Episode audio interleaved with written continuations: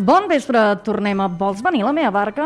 Avui, l'últim programa abans de les vacances d'estiu, amb voluntat de reformar la veu femenina, de donar-li ales perquè voli lliurement i que, en tot cas, sigui ella mateixa qui s'imposi frens, perquè vol, no per imposició. I que lliurement pugui, ella, ell, tothom, viure la seva sexualitat, altra vegada com vulgui, no per imposició que ja no podem tolerar determinades actituds, i tots, i totes, en som responsables i víctimes si no es fan les coses bé. Recordem allò de Jean-Paul Sartre, meitat víctimes, meitat còmplices. Les dones, els homes, la societat. Si ens creiem estar en un món madur, ho hem de demostrar. I si és que encara estem molt verds, hem de fer passos agegantats per aconseguir una mica més de justícia en aquest món desendreçat en què vivim. Li ho devem, al món que ens aixopluga, i ens ho devem. Avui, de la mà d'Eva Baltasar, ens endinsarem en Boulder. Som-hi!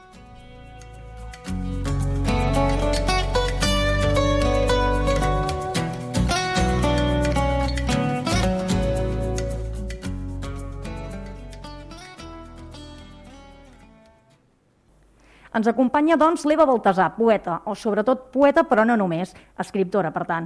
Llicenciada en Pedagogia a la Universitat de Barcelona, el 2008 es va donar a conèixer amb l'AIA, que va guanyar el Premi Miquel de Palol. Després no ha parat de rebre premis per la seva obra, ara també en versió narrativa. Així, després de l'èxit de Parmagel, el fatídic març del 2020 va treure Boulder, Premi Òmnium a la, millor, a la millor novel·la de l'any, i malgrat tot, també èxit de vendes. Bona tarda, Eva. Hola, molt bona tarda. Diguéssim que Boulder va aparèixer en un moment eh, que, que ens va commocionar tots, però no perquè publiquessis Boulder, sinó perquè van passar altres coses. Sí, Sí, sí, va sorgir tres dies abans de, de que es confinessin, no, diríem. Bé, aleshores, eh, diguéssim que també té com una vida més llarga, no? Les novel·les, o bé els llibres genèricament, tenen com una vida relativament curta, o com a mínim com a novetat, no? I, i en canvi, doncs, per culpa de tot això que estem encara vivint i que esperem doncs, que duri poquet, eh, Boulder encara continua sent, sent novetat. Sí, bé, bueno, novetat potser ja no, no? però sí que és cert que segueix generant interès. És un, eh, quan va sortir totes les presentacions que hi havia programades doncs es van haver d'anul·lar, no? I ha anat fent el seu camí d'aquesta manera com subterrània una mica durant l'any passat i aquest any, gràcies al Premi Òmnium, doncs ha tingut uh, un despertar, no? I ara també doncs, estic anant a presentacions, fent clubs, fent, fent una mica de tot, acompanyant-lo. Doncs parlem-ne una miqueta, és una novel·la, mm, per mi, si més no, feta de contrastos, i anirem entrant de mica en mica en aquest aspecte. Si et sembla, però, comencem per la protagonista, que s'escapa dels motlles més habitualment atribuïts a les dones, no? i per això doncs, seria una miqueta un contrast, un contrast amb el que estem habitualment eh, acostumats a entendre per dona, no? tot i que, evidentment, el terme dona pot concebre moltes eh, dones diferents, eh, que també hi són, i, i bé, i que no són ni millors ni pitjors, no? Sí, clar, jo per mi la protagonista de Boulder és una mica actua tant ella com la, com la resta de protagonistes del tríptic, eh? Són miralls de mi mateix, això no vol dir que estigui explicant la meva vida, però són dones en les quals jo em puc emmirallar i que després, d'anar a clubs de lectura, veig que moltes altres lectores i lectors també també hi ha aquest, aquest fenomen de l'emmirallament i aquesta correspondència, no? Jo crec que hi ha moltes més boulders i molts més boulders a, al nostre voltant potser del que ens pensem. Clar, això que has dit ara, no? Hi ha moltes més boulders i molts més boulders, no? Perquè no cal que, tot i que sigui una protagonista femenina, de fet, no cal que, eh, o sigui, això que ens retrates, eh, segons com, també podria passar un home. Sí, jo crec que sí, al capdavall, diguem que jo a l'hora d'escriure m'ho poso molt fàcil, no? i les més protagonistes, fins al moment almenys, són lesbianes perquè jo em sento lesbiana i són dones perquè jo em sento dona ara mateix, per tant, el que m'interessa és explicar aquesta història i aquestes vivències d'aquests personatges que se senten incòmodes vivint en societat, i aquesta mena d'incomoditat jo crec que és una cosa que ens afecta a tots i totes. Eh, ella no té nom, o sigui, no ens dones el nom de, de la Boulder en la novel·la, eh, entenc que sí que n'ha de tenir un, però doncs no, no surt. Eh, li posen aquest nom, Boulder. Explica'ns d'on surt el nom. Sí, bé, doncs l'amant la, no? i la parella de la, de la Boulder és geòloga, és la Samsa, i li posa aquest àlies. Uh, diguem que el títol de la novel·la, els tres títols, tant per Magel com Boulder com Mamut, són tres metàfores de tres dones molt diferents i en aquest cas boulder seria aquestes roques solitàries que trobem en alguns llocs del planeta, no? Tant poden estar al peu d'una muntanya com al mig d'una vall, com enmig de l'oceà. i una mica quan la parella li posa aquest nom és perquè la veu com una dona dura, com una dona austera, solitària, com un pedrot, no? que sembla que pugui suportar-ho tot, no? una pedra molt grossa i molt forta, però que també està a la intempèrie i està acusant els efectes de la climatologia, i això vol dir que també es va clivellant i van emergint coses a l'exterior. Bé, i això serà la novel·la, no? El que anirem descobrint amb Bulder.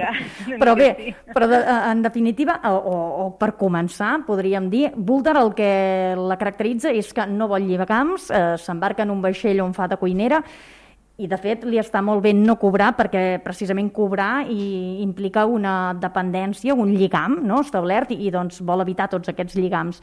Però bé, la vida li porta eh, en primer terme un sexe salvatge podríem dir, i després d'aquest sexe, o aquest sexe acaba esdevenint, no? Eh, s'acaba convertint eh, en un gran amor. Eh, això vol dir que, que el, el, quan ens, eh, ens enamorem, evidentment no sempre el sexe porta l'amor, però doncs, en aquest cas que sí que és així, eh, quan ens enamorem, els lligams, no? que representa que és del que va la novel·la, eh, aquests lligams que no volia la Bulder, aleshores apareixen eh, no podem ser lliures plenament en la vida? O... no sé, clar, és una dona que es veu sotmesa a dues forces, no? Diríem que en aquest vaixell mercant on ella fa de cuinera troba la situació ideal per a ella, no? Ella allà està en pau, és feliç, perquè precisament està sola, és una dona que valora molt la soledat i, i no, té aquest, no està lligada en lloc, a més a més està en un vaixell, és a dir, tampoc està fermada a cap lloc físic, geogràfic, no? Va d'un port a un altre port, i la soledat diríem que és una força que activa cap endins, no? és centrípeta. Quan apareix l'amor és una força totalment contrària, l'amor t'obliga d'alguna manera a obrir-te cap en fora, cap a l'altre. Llavors, eh, ella es veu en aquesta tesitura de decidir què fa, si es queda en el vaixell o bé si acompanya la Samsa en un projecte de vida a l'altra punta del món, a Islàndia. Llavors, clar, aquí és un gran problema, fàcil que faci, es trairà d'alguna manera, no? Hi ha certa incoherència. Si es queda en el vaixell, està traint l'amor. Si, si segueix a la Samsa, es traeix potser una mica a si mateixa, no?, pel que fa en aquesta soledat volguda i sentida eh, el que acaba fent, que no és cap spoiler perquè es passa molt al principi, és acompanyar la Samsa en aquest projecte de vida i, i seguir-la acompanyant en altres projectes potser una mica més monstruosos o, o més grans que fan que la Boulder se segueixi traint a si mateixa una mica. Eh, bé, i eh, la Boulder i la Samsa, que són doncs, aquestes eh, dues dones que esdevenen parella, abans deia, no? la novel·la està feta de contrastos, ara també ens deies aquests dos contrastos no? entre el que vol la Boulder o allò que la caracteritza, aquesta força centrípeta, i en canvi el, el que li genera enamorar-se. No? Eh, però, doncs, a més, eh, és que elles dues, aquests dos personatges, la Boulder i la Samsa, són personatges molt diferents, perquè tot, eh, tots aquests lligams que no vol la Boulder eh, sí que els vol la Samsa, no? i sí que, doncs, eh, bé, no sé, això en el fons potser passen totes les parelles, no? que eh, un vol una cosa i l'altre en vol una altra i llavors n'hi ha un que es tira cap a, per aconseguir el que vol no? i l'altre doncs, eh, eh, es deixa portar, no? podríem dir.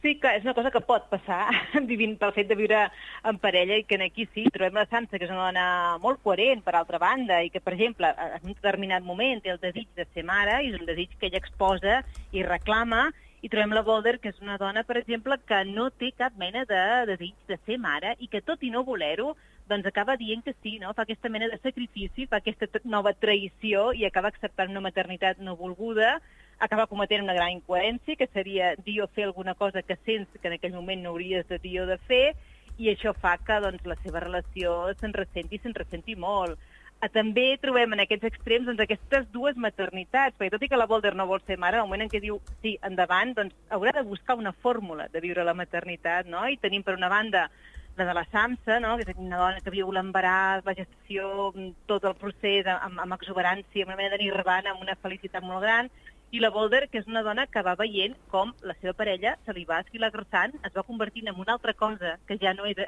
aquella que era, no? i, i va veient com es va una mica de construint.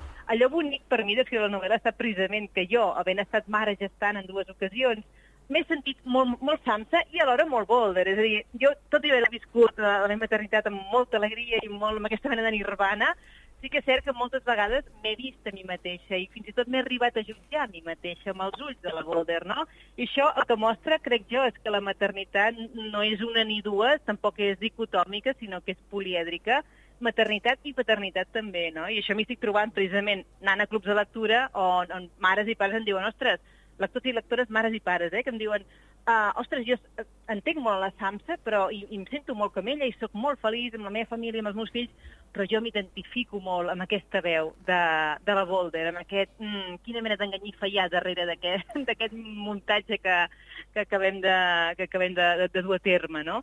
Doncs, doncs bé, eh, la vida és això, és feta de, de, de contrastos, crec jo, no? Hi ha moments una mica per tot i la literatura el que fa de vegades és posar-hi posar paraules i fer-ho com molt, molt evident. Aleshores, eh, eh, bé, enfoques això, eh, aquesta maternitat eh, mm, a través de, de, de dues persones, que una doncs, desitja molt la maternitat i l'altra eh, s'hi deix portar. No? I, I aleshores, clar, també aquest sentiment, no només a l'hora de, de, de, de quedar-se embarassada la SAMSA, eh, sinó, si, sinó també a l'hora de, eh, de després, no? de tenir la criatura i de fer de mare, cadascuna, clar, també ho viu diferent, no? Això vol dir que, que bé, que abans això que comentaves, no? la incoherència de dir o fer una cosa que no es pensa, eh, ens, ens hem de mantenir quan hi ha una cosa que no pensem o, o sigui, hem de manifestar-ho, allò que, que pensem, o bé, o doncs, eh, si no, doncs hem d'assumir la responsabilitat de no haver-ho fet, no? que és el que representa que li passa a la Boulder, tot i que és això, no? llavors tenen una maternitat també diferent.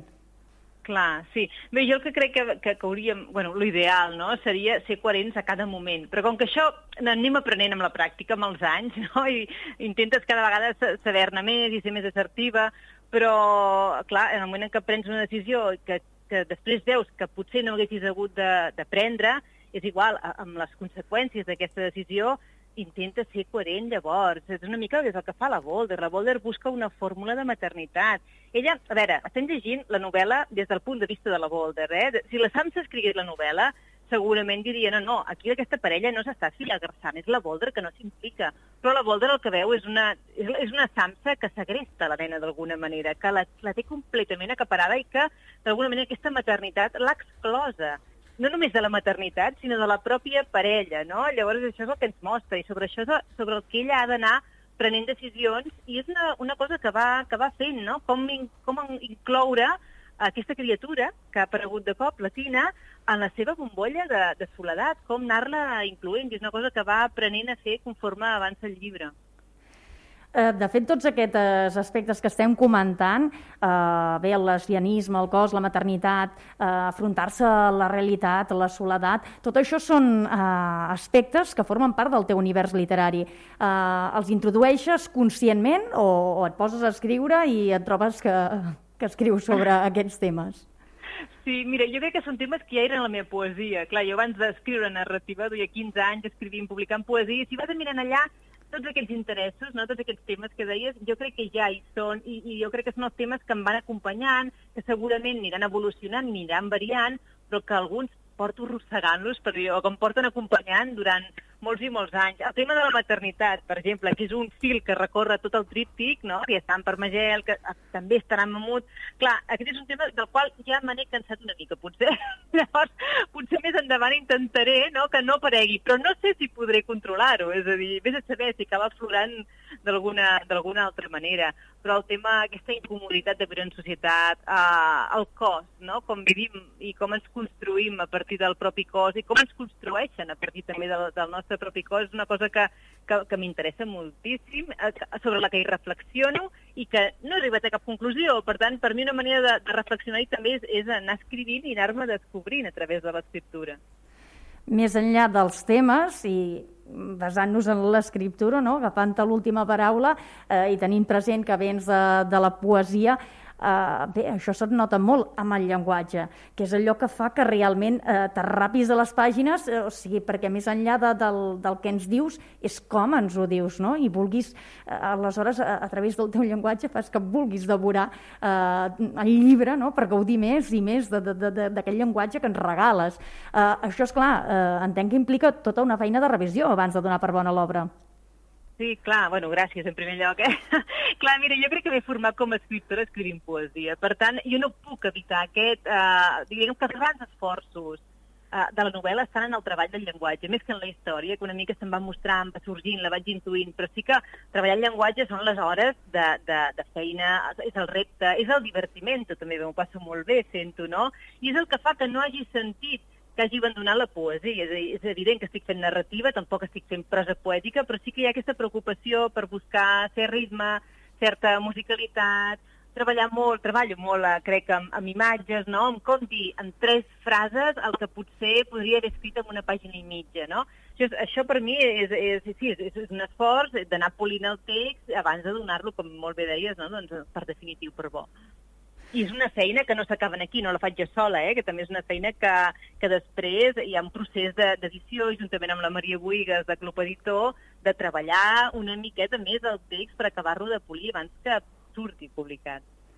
Bé, però doncs en el llenguatge també hi trobem aquests contrastos, eh, que és el que jo he anat fent referència, no? perquè uneixes aspectes referits a diferents sentits, per exemple, i bé, i a les teves mans, allò que podria ser difícil d'expressar, perquè a vegades les paraules ens queden curtes, agafa el cos i t'hi embolica de manera que, que bé, que, que, que, que, que et quedes enganxat allí, no? amb, tot, amb aquell llenguatge, aquella manera de saber-te eh, expressar, que, que aleshores fa que ho comprenguis tot, tot totalment, no? I, i, allò que, I això que tu entens que és molt complicat saber-ho mm, expressar perquè estàs dient coses que són complicades.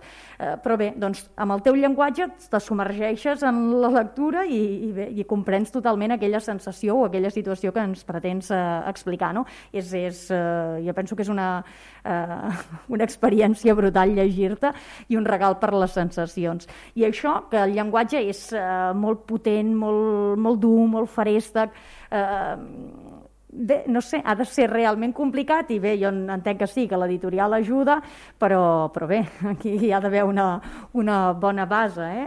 Uh, jo volia llegir algunes coses per la gent que ens estigui escoltant, que entengui una miqueta, no? Uh, per exemple, no? dius, suposo que l'amor ens floreix al damunt com una branca gegantina que es vincla i toca els plecs sensibles, reticents. O després eh, parles de, de l'amor i diu, conflueixen l'amor, que sempre empenyen fora i la soledat que tiba cap endins. L'amor pertany al voler i estimar-la justament això, voler que hi sigui amb cada fibra de teixit i de pensament, des del moll de cadascun dels ossos, voler-ho en tots els exèrcits, amb fam, amb febre, amb desesperació. Buf, eh, això eh, que he dit abans, brutal. Eh, no sé com, com acabes aconseguint no? eh, que una cosa eh, que és tan tan dura, eh, la puguis acabar transmetent amb aquestes paraules que fan que, que, que, que t'hi submergeixis eh, i que tu estiguis, eh, tu estiguis passant bé eh, perquè el llenguatge és increïble, malgrat que la situació potser no ho acaba sent del tot, no?, a vegades.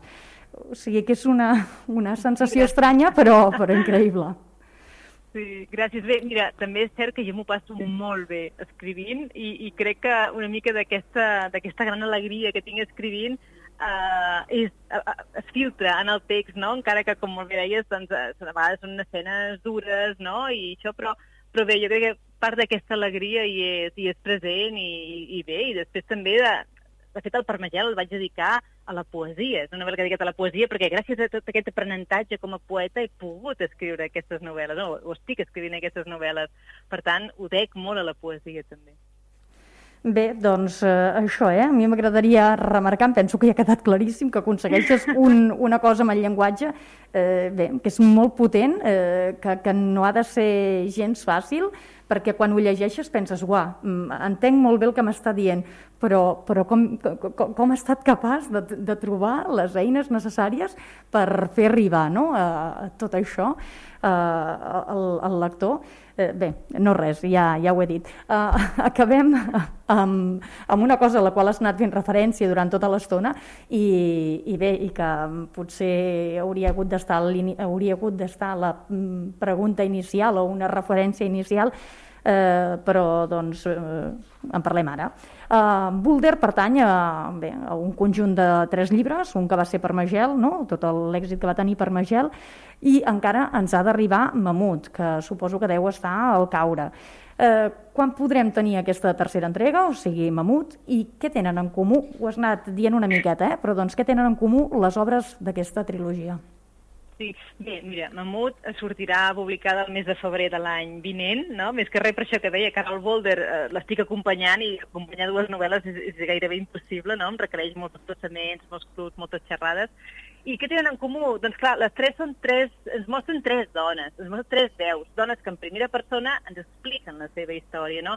Són novel·les independents, és a dir, no cal haver llegit començar per la primera, seguir per la segona, no, no trobem els mateixos personatges transitant d'una novel·la a l'altra, però sí que hi ha uns fils no, que recorren tot el tríptic i un d'ells crec jo que és, és aquest, aquest uh, trobar-nos amb dones que se senten incòmodes al lloc on habiten, uh, se senten incòmodes vivint en societat, eh, transiten una mica pels límits, no? I hi ha aquesta distància amb la que es miren el món, que hi és una distància on jo hi vull veure certa lucidesa. No sé si un lector o una lectora li pot veure, però a mi m'agrada veure-la i després hi ha fils com potser més secundaris, no? com per exemple aquest que hem parlat que seria la, la maternitat, no? Trobem per Magel doncs, una protagonista amb una mare que avui en dirien una mare tòxica, no? Jo crec que, a part, faria una part per dir que jo crec que tots i totes ho, ho som, no? Però bé, i una dona que no vol ser mare sota cap concepte. En Boulder trobem aquestes dues maternitats tan diferents, no? És un tema que aquí faig esclatar una mica, i en Mamú trobem una dona que ella vol fugir de la ciutat, vol anar-se cap a les muntanyes i en allà ser una mare sola. Té aquest desig com molt biològic de, de ser mare. I, I bé, i les tres també trobo que són dones que posen en primer lloc o posen molt en valor una cosa que jo també hi poso, que és la, la soledat, al capdavall, com aquest estat on poder connectar amb nosaltres mateixos i, i saber com volem viure aquesta vida breu que ens ha tocat i que no sabem quan, quan s'acabarà. I això, si ens aturem un momentet per decidir, per, per connectar, a veure com, com volem, no? Com volem seguir transitant per aquest món, si no ho fem en soledat, jo crec que és gairebé impossible de fer-ho. I això en aquest món en què vivim, que sembla que, que, que se'ns emporti, no? amb la voràgina d'anar passant els dies, eh, a vegades també està molt bé donar-hi valor, eh? Jo crec que sí, jo almenys ho intento. El tenies clar eh, quan te vas posar a escriure per Magel que això serien tres obres? No, vaig tenir clar el moment que vaig acabar. Quan vaig acabar per Magel vaig veure que era una novel·la i que m'havia passat tan bé durant un any i escaig eh, creant aquesta protagonista que m'havia fet tan bona companyia, vaig decidir que jo volia més, més d'aquesta sensació de llevar-me cada matí enamorada d'un personatge i de que se m'endugués cap a algun lloc, que jo no sabia ni quin era. I vaig decidir que faria dues novel·les més, que això seria un tríptic. Els títols em van venir al cap també una mena de flash, no?, de tallam. I eh, vaig pensar que serien per Magel, Boulder i, i Mamut, perquè m'inspiraven tres tipus de, de dones que a mi m'hagués agradat conèixer. Jo hagués volgut conèixer una Boulder, finalment l'he coneguda, i, i ara estic amb, amb la Mamut i, i és una dona que m'està fent una companyia molt diferent a la de Boulder, això tot, tot sigui dit, però que em sacseja, em qüestiona i, i, i, i d'alguna manera m'estima també. I això, això ho valoro molt a la meva vida. Doncs ens esperarem al febrer per poder-ho llegir. Eh, mentrestant et deixem en soledat o no i doncs eh, amb Mamut. Moltes gràcies, Eva. Gràcies a vosaltres. Bona tarda.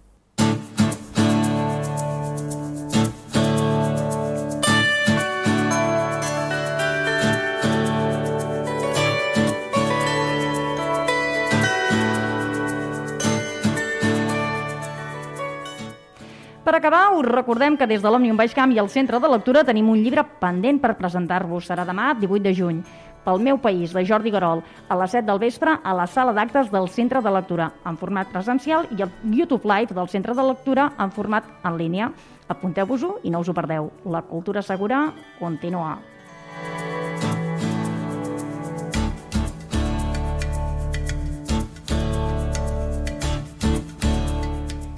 I fins aquí arriba el programa d'avui i els programes d'aquesta temporada. I tornarem, si tot va bé, passat l'estiu. Recordeu que ens podeu escoltar cada dijous a les 8 de l'ESFA en primera transmissió i en segona dissabte a les 10 del matí per parlar de literatura i de cultura catalanes des de la nova ràdio, perquè creiem que és important acostar-vos als nostres autors i a la nostra cultura més propers. Ja sabeu que, mentrestant, podeu escoltar aquest programa o els antics sempre que vulgueu a través del web de la nova ràdio, lanovaradio.cat. Llegiu. La lectura ens fa lliures.